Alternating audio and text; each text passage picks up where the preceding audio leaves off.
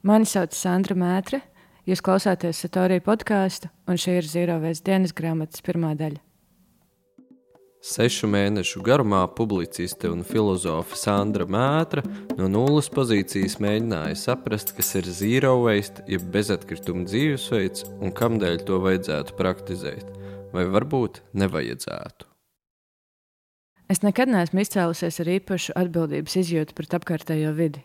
Nu, negluži tā, ka es bravūrīgi nomestu izsmēķu bērnu spēļlaukumā un sašutušajām māmiņām vēl bezskaunīgi piemiektu raci, taču skaitot kopā visas tās reizes, kad pie apvēršņa nav rēgojies atkritumu konteiners, kādu paprāju saujiņu renstelē visticamāk esmu ielidinājusi gan. Nē, esmu apzinīgi šķirojusi atkritumus.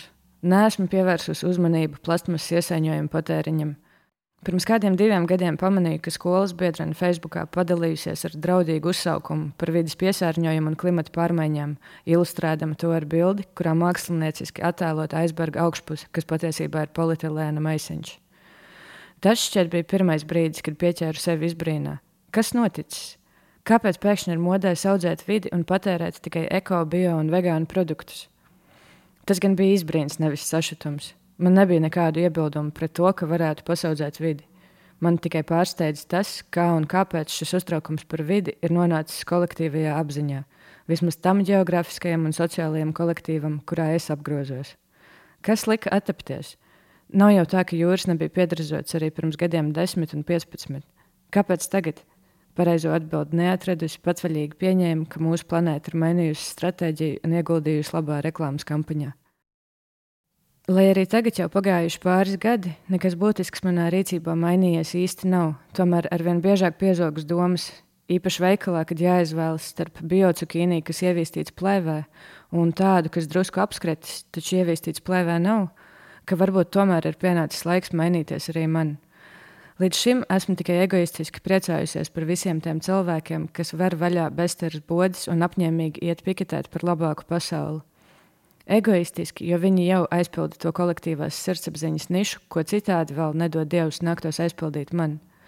Arvien biežāk par to domājot un uzklausot argumentus, ka mana hipotētiskā koka zobu birsta neko nemainīs, kamēr Indijā, piemēram, ļaudis turpinās greznot savu zemi atkrituma estētikā, es tomēr nolemju atmazgāt savu sirdsapziņu nākamo pauģu priekšā un kļūt vērīgāka. Ar ko lai vispār sāk?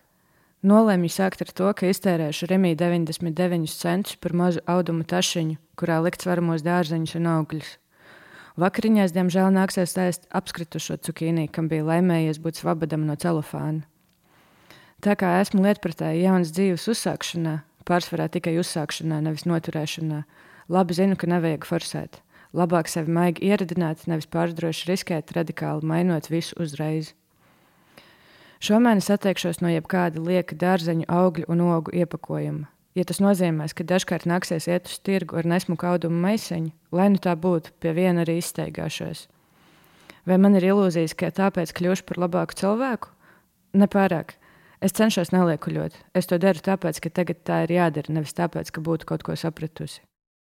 Mana iztēle ir visai nabadzīga, ja es to cenšos pielietot attiecībā pret vietām, ko neesmu redzējusi, konceptiem, ko nepārvaldu, un ekoloģiskām pēdām, kuru izmērus neaptveru.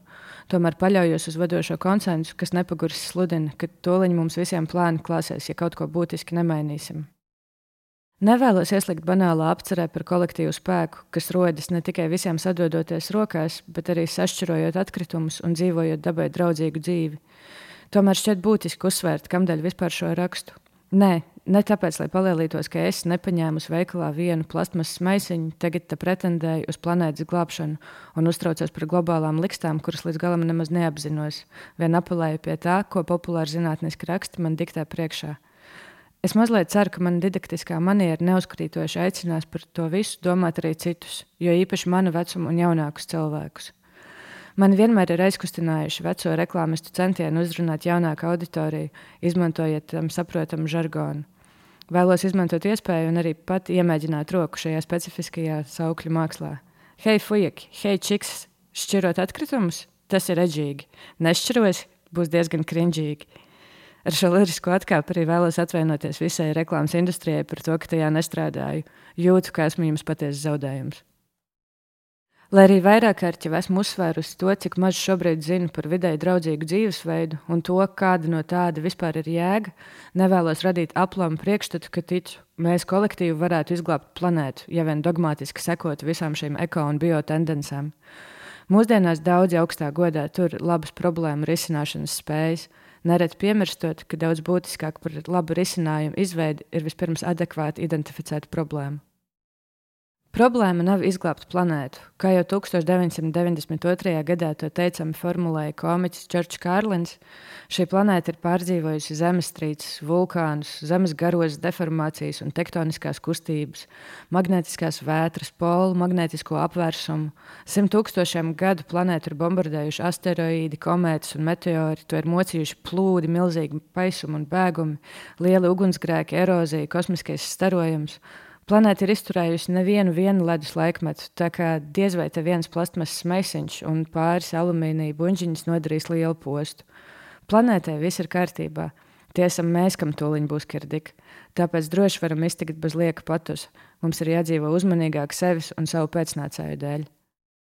Kā jau iepriekš minēju, ierosinu neforsēt. Varbūt grūti uzreiz tā pārslēgties uz absolūtu atteikšanos no plastmasas. Varbūt iesākumā pietiks, ja tikai augļus un dārzeņus neliksim polietilēna maisiņos. Ja nu vajadzības spiež, varbūt ierastā H&M tēkrakla vietā varam paņemt kādu no tiem, kas ražots no pārstrādāta materiāla. Jā, būs mazliet dārgāk, taču sirdsapziņa jau nemēra fiskālos lielumos. Varbūt man nevajadzētu arī forsēt savu reklāmas kampaņu, uzreiz tā vēršoties pie krietni jaunākiem cilvēkiem, padarot sevi krinžīgu viņu mazajās, edžīgajās atšķelēs. Varbūt iesākumā pietiks, ja vērsīšos pie nedaudz par mani jaunākām sievietēm Twitterī. Nu, čau, fellow 20 gadnieces. Es jeb albat, plīz, pat ja jūties kā musors, sašķiro un iznes musoru.